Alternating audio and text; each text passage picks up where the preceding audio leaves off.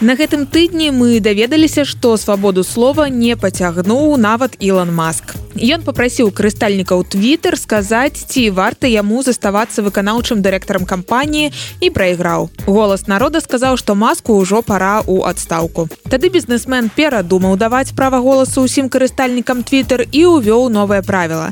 Цяпер будуць улічвацца толькі галасы тых, хто аформіў платную падпіску і верыфікаваў сябе сіняй птушачкай. Вау! Як ідуць справы са свабодай слова за межамі Twitter і што яшчэ адбылося ў свеце на гэтым тыдні у новым аглядзе еўрарадыо.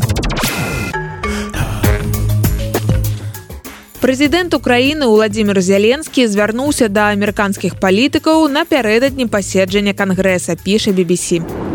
Упершыню з пачатку вайны гэта быў незварот па відэасувязі. Зяленскі прыляцеў у Вашынгтон і гэта яго першая замежная паездка з пачатку вайны. Прамова зяленскага 18 разоў перарывалася авацыямі. Апладзіравалі не ўсе некалькі рэспубліканцаў авацыі праігнаравалі. Гэта крыху важней, чым здаецца, бо са студзеня менавіта рэспубліканцы будуць кантраляваць палату прадстаўнікоў кангрэса. І гэта можа ўскладніць узгадненне дапамогі для ўкраіны.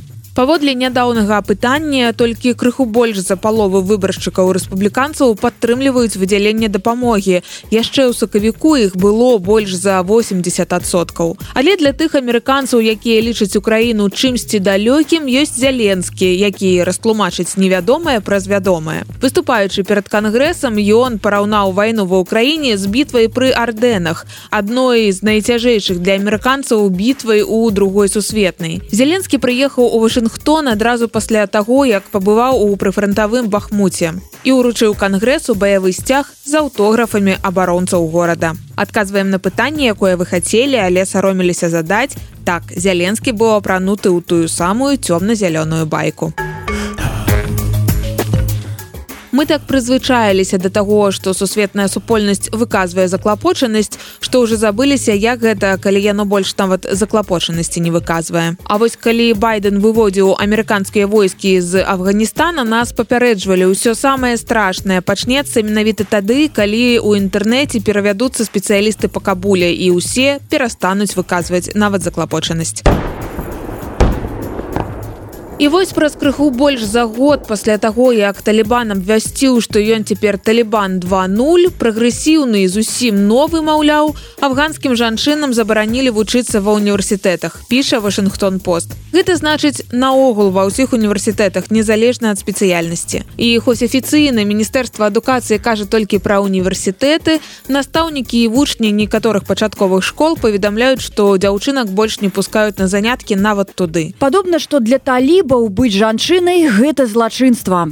Так сказала ў інтэрв'ю Вашынгтон пост 20гадовая студэнтка псіхалогіі кабульскага універсітэта. І вяртаемся да першай тэмы. Вось чаму Владзімир Зяленскі выступае асабіста і па відэасувязі ўсюды, дзе можа выступіць ад канскага кінафестывалю да кангрэса. Таму што самае страшнае пачынаецца, калі ў сусветнай супольнасці сканчваецца нават заклапочанасць.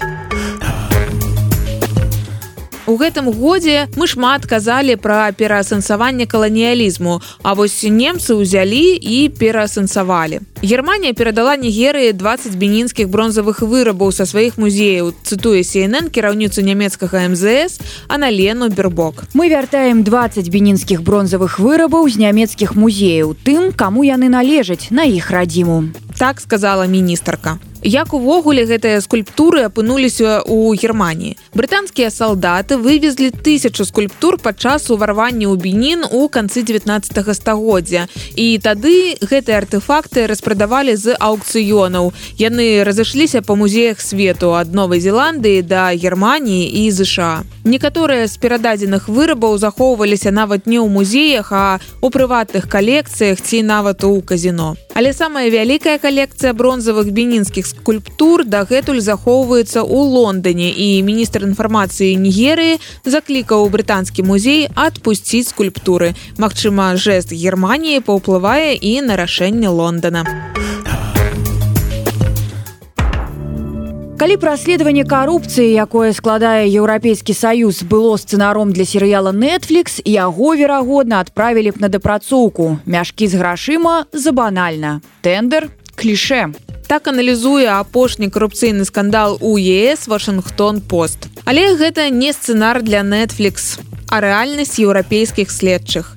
І падарунак для ўсіх хто хацеў бы пакрытыкаваць ес але не знаходзіў годнай нагоды справа ўжо атрымала назву катар гейт мяркуецца што некалькі высокапастаўленых чыноўнікаў ес бралі хабар наяўнымі літаральна чамаданамі чацвярым прад'явілі абвінавачанні па падазрэнні ў адмыванні грошай і карупцыі у інтарэсах неназванай дзяржавы персідскага заліва медыя зрэшты даўно назвалі дзяржаву катар а сам скандал празвалі катар Ватаргейтам. Вашынгтон пост заўважае, што крытыкі ЕС адразу ж ухапіліся за гэты скандал.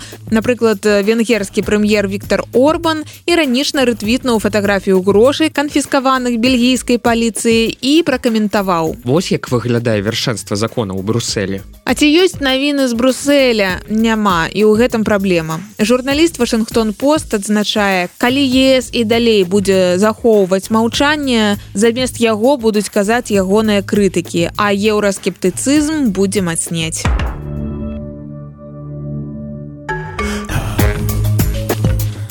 А цяпер раскажам пра навіну, ад якой беларусу стане не па сабе. Паліцэйскі онлайн-патруль будзе інспектаваць лакацыі відэагульняў, а карыстальнікі змогуць уступаць у дыялог з лічбавымі паліцэйскімі, як рабілі б гэта на вуліцы.